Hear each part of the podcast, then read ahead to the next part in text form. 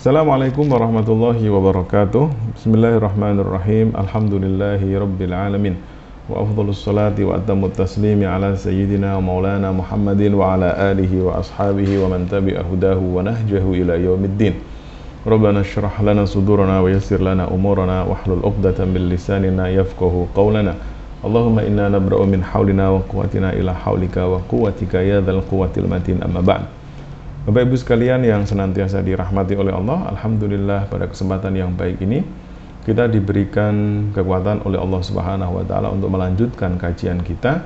Yang pada kesempatan kali ini kita akan membahas sebuah tema yang menurut hemat kami sangat menarik untuk dibicarakan karena terkadang eh, pertanyaan-pertanyaan seperti ini muncul di tengah masyarakat kita atau barangkali Bapak Ibu sekalian mengalami kondisi yang serupa Apakah tema yang saya maksud? Eh, kita akan berbicara tentang seseorang yang sudah meninggal dan memiliki hutang puasa.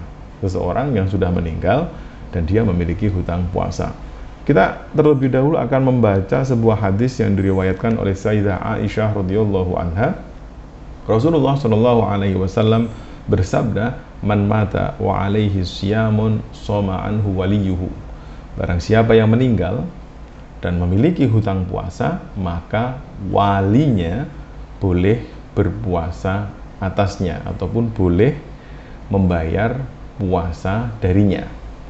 Hadis ini menjadi dalil bahwa orang yang meninggal, orang yang telah meninggal dan memiliki tanggungan puasa wajib, maka walinya dianjurkan untuk mengkodok puasa yang ditinggalkan oleh si mayit.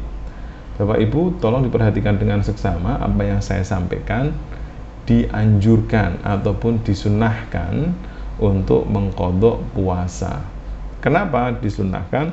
Karena hal ini ataupun mengkodok puasa orang yang sudah meninggal merupakan bentuk ihsan, berbuat kebaikan dan juga e, bakti kita kepada kerabat kita ataupun orang yang meninggal tersebut dan insya Allah tanggungannya akan diampuni oleh Allah Subhanahu Wa Taala atau dinyatakan selesai oleh Allah Subhanahu Wa Taala.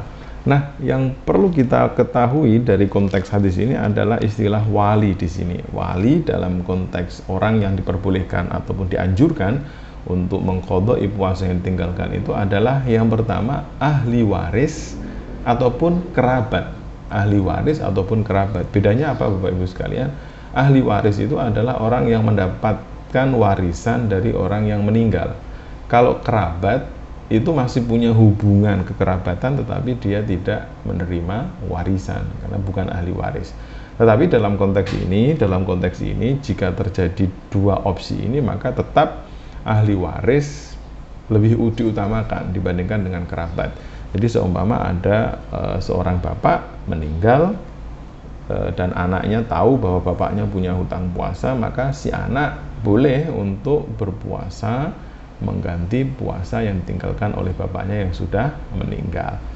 Nah, Bapak Ibu sekalian yang senantiasa dirahmati oleh Allah, banyak sekali riwayat-riwayat yang menyebutkan bahwa Rasulullah memerintahkan kepada seorang sahabat ya, sahabiat tepatnya perempuan yang menceritakan kepada Nabi bahwa ibunya meninggal dan memiliki hutang puasa nazar atau puasa wajib.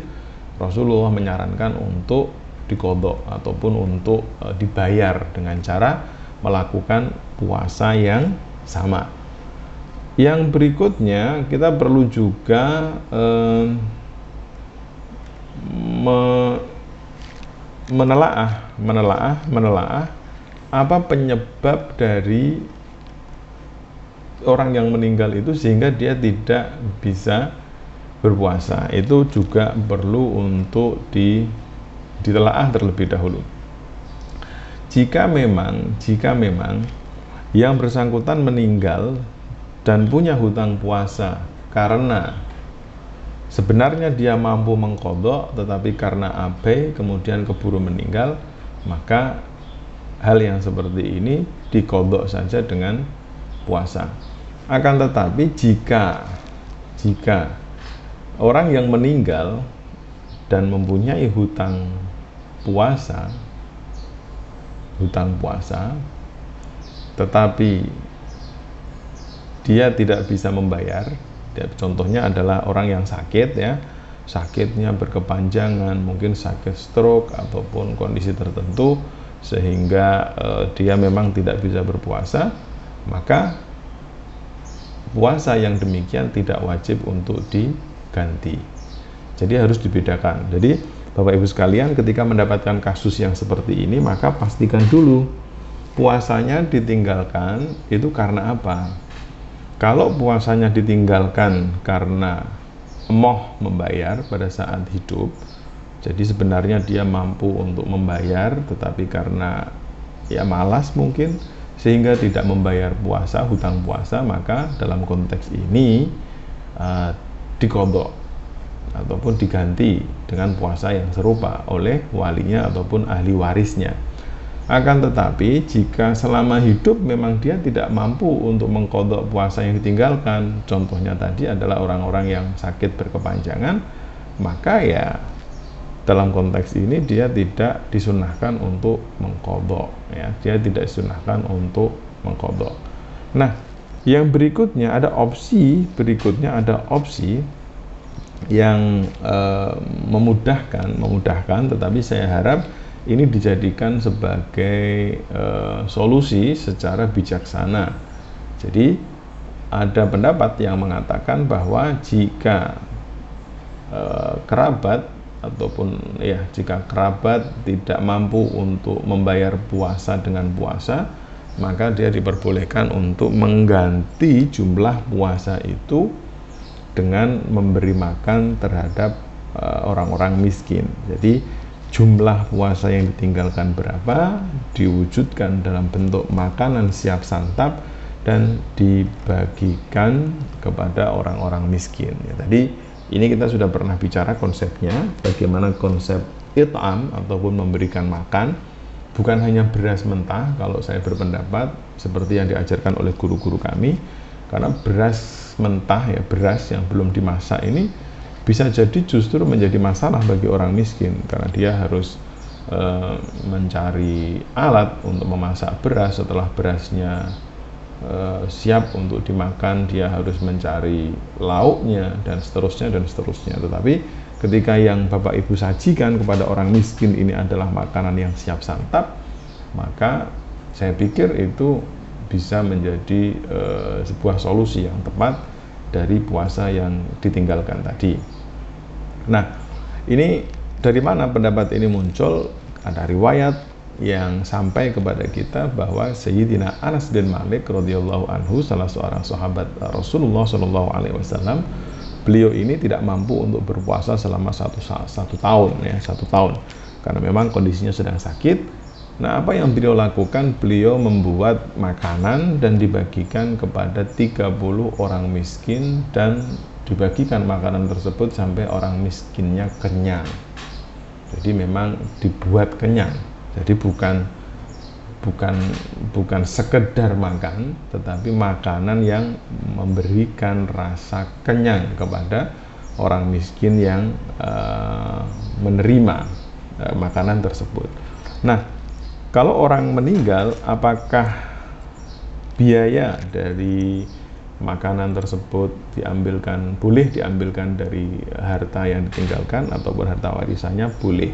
Jika memang dia tidak memiliki harta tinggalan ataupun harta warisan maka uh, boleh dibantu ya boleh dibantu orang lain ya. Jadi karena memang kondisinya sulit eh, kerabatnya juga miskin wali-walinya ahli warisnya juga kurang sejahtera kurang beruntung maka jika ada yang ingin membantu maka ini juga diperbolehkan Nah, kalau memang tidak ada yang membantu dan tetap menjadi hutang, maka kita doakan semoga Allah mengampuni dosa kita semua dan semoga uh, Allah berkenan mengampuni dosa si mayit. Jadi ini adalah uh, prinsip terkait dengan membayar ganti hutang puasa orang yang sudah meninggal. Pertama, pastikan dulu kenapa dia tidak bisa berpuasa selama hidupnya jika memang karena kesengajaan, maka boleh diganti puasa atau dianjurkan untuk diganti puasa oleh ahli warisnya. Tetapi jika memang dia tidak berpuasa selama hidup karena kondisi, karena sakit yang berkepanjangan, maka tidak perlu untuk dikodok ataupun tidak perlu untuk diganti puasa oleh ahli warisnya. Semoga bermanfaat dan bisa menjawab e, beberapa pertanyaan yang sering di sampaikan oleh beberapa kawan kita terkait dengan mengganti hutang puasa orang yang sudah meninggal. Dan jika ada yang kurang jelas dari paparan kami silahkan untuk e, menghubungi kami dan insya Allah akan kita berikan penjelasan lebih lanjut. Semoga bermanfaat. Walafu minkum. Wassalamualaikum warahmatullahi wabarakatuh